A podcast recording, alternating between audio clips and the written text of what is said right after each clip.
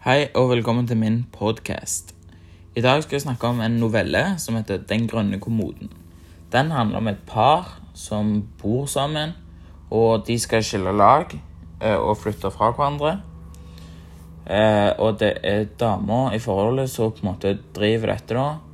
Eh, hun sier at dette ikke går lenger, de hadde passa bedre som venner, og hun har holdt på med en annen. Eh, Eh, og så er problemstillingen eh, Hvorfor tror du han er så opptatt av den grønne kommoden? Ja, som sagt, det er en kommode som er veldig veldig viktig for han. Det eneste han sier og har lyst til å si, er at eh, han vil beholde kommoden. Eh, så eh, hva er denne kommoden, da? Eh, det går an å tolke den på forskjellige måter. Det er en kommode som han er opptatt av, og at han sier liksom at det, jeg tror hun har sett igjen, og det er jo Kvinner gjør alltid ser ting. Så det er jo en ting liksom, Menn er jo litt sånn kjent for å ikke være snakke om følelser og sånn.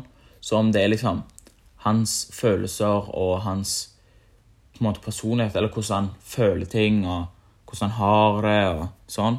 Eller så kan det være eh, noe på en måte livet At det, det er hans, liksom, og nå har han lyst til å ta livet Eller eh, Ikke liksom at han skal sorge sånn hele livet sitt over hun, men liksom ta livet sitt med seg og gå videre i livet, liksom. Sånn han kan ha det fint, ikke tenke Eller ja, ha det bra videre. Eh, det går jo an å tolke det på forskjellige måter, som før De sier jo i tidligere teksten at kommoden var lilla. Og lilla betyr eh, at det liksom du er kjærlighet, og at du kan ha det fint. Mens nå er han eh, grønn. Så det betyr liksom optimisme og naturlig. Så det er liksom naturlig å gå videre. Og han er optimistisk for å ha det bedre videre i livet.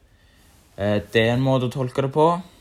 Og så går det an å si at det, den grønne kommoden er eh, fortida hans. At eh, eh, han vil, han vil liksom Han har tatt med seg fortida, og han vil ikke at hun skulle se opp i han.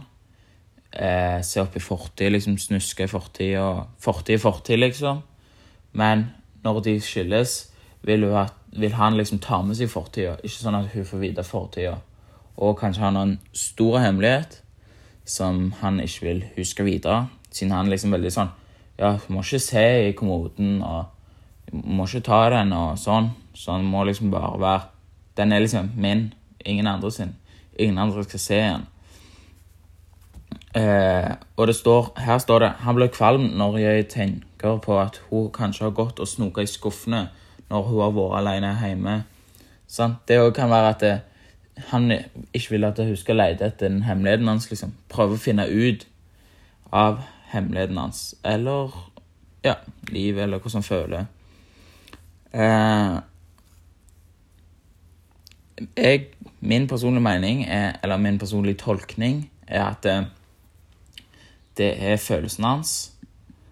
Så fordi at det, det, står at liksom Først var han lilla, og det er liksom Da er du liksom in, in love, holdt jeg på å si. Um, uh, kreativ og sånn. Og så har du hun som underholdning, på en måte, eller sånn en partner. Mens noen grønne så liksom eh, For optimisme videre i livet og sånn. Og menn, generelt menn, de er veldig, veldig, veldig eh, lite følsomme. Snakker lite om følelsene sine. Eh, vil ikke dele noe og sånn. Mens kvinner prøver liksom å grave, finne og høre og liksom få det ut, liksom. Så jeg tror det er eh, følelsen hans, liksom. Eh, fordi at det, Ja, det er mye som tyder på det i teksten. Så eh, Ja, liksom Og så står det eh, Hun spenner tra trasse i kommoden og ser utfordrende på han. Som om liksom hun prøver å få noe ut av han. Og så sier hun eh, så sier hun at hun har vært utro, liksom, for å prøve å få en, eh, en reaksjon. Men det er ingen reaksjon. Han vil bare ha kommoden, liksom. Så han vil bare ikke si noe. Han vil holde det helt hemmelig. Følelser er for pyser, tenker han. Og det gjør mange menn. Veldig lite følelser. Ja. Takk for meg.